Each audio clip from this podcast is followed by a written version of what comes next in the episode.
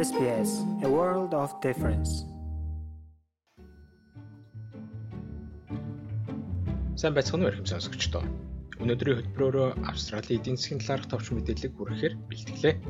Нэгэн зуунд ганц л дохиох аюул цар тахлын улмаас дэлхийд дахинд эдийн засгийн таврагшгүй нөхцөл байдал үүсэж байна.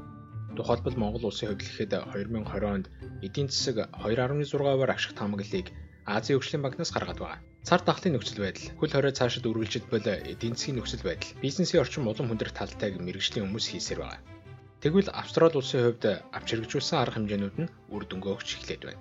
Тодорхойлбол 9 дугаар сараар дууссан өнгөрсөн улиралд Австрали улсын эдийн засаг 3.3% өсөлт үзүүлснээр эдийн засгийн уналтаас гарснаа аль биесээр зарлалаа. Гисэн хэдий ч 6 дугаар сараар дууссан 3 сард эдийн засгийн агшилт 7%-аар хэмжигдэж байсан нь бүтэн жилийн өсөлтийн түвшинг хасах 3.8%-тай үлдээж байна. Австралийн статистикийн хорооноос гаргасан мэдээллээс харвал мууч нутаг дэвсгэрүүд коронавирусын эсрэг хязгаарлалтуудаа буруулж буйтай зэрэгцэн өрхийн зарцуулалт 9.7%-аар огцом нэмэгдсэн нь өнгөрсөн улирлын өсөлтөд хүчтэй нөлөөлсөн байна. Эдийн засгийн хувьд сорилтууд үргэлжилсээр байгаа ч 9 дугаар сарын мэдээлэлүүд австралчуудын хувьд эрг итгэл найдварыг авчирч байна гэдгийг сангийн сайд Жош Фрайденберг хэлж байна.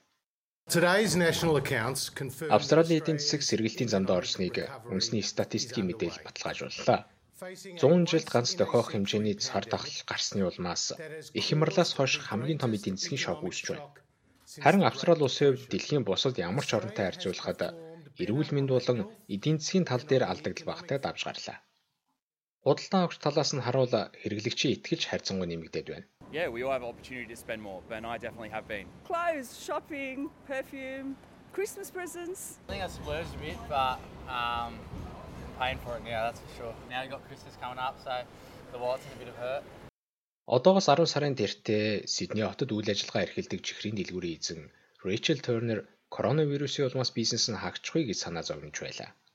Харин тэгтэл бусдаас өмнө түүний дэлгүүр л өнөөдөр үйл ажиллагаагаа хэвээ өргөжлүүлж байна.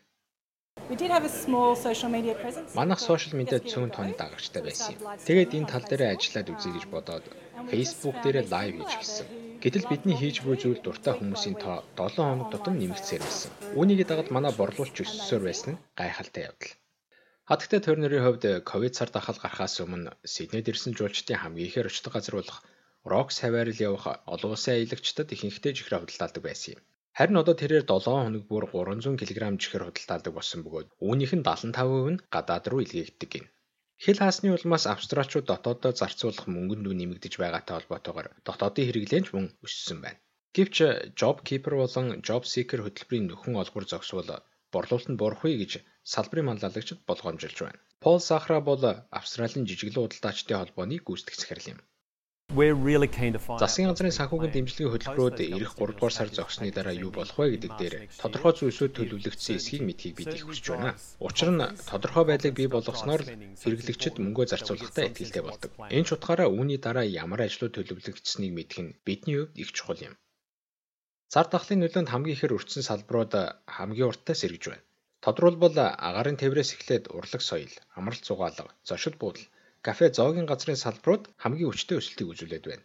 Гэхдээ бүтэн жилийн дүнгээр нь харуул өсөлтийн түвшин доогуур хэвээр байна.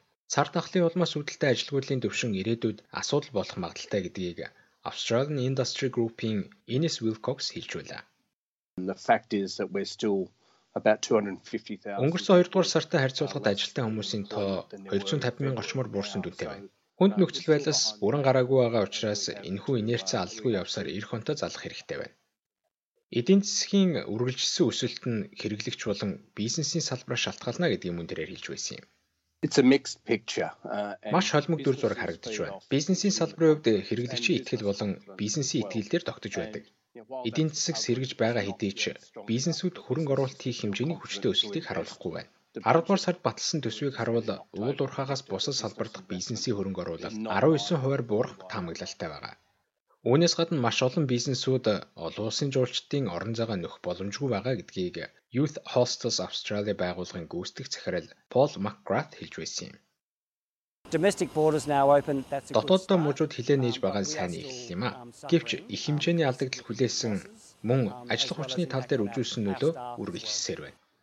Энэхүү статистик мэдээлэл нь Виктория муж 20 цэрийн дэглэмээ цуцлагаас урьдчилж гарсан бөгөөд Хэд хэдэн вакцины туршилт амжилттай болж байгаа нь хэрэглэгчдийн итгэлийг улам нэмэгдүүлэх талтай. Хэдийгээр энэ нь саний тохио боловч цаашдаа хийх ажил их байгаа гэдгийг мэрэгжилтнүүд хэлсээр байгаа билээ.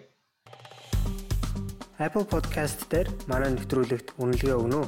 Энэ манай нэвтрүүлгийг хайж олоход бусдад бас туслах юм.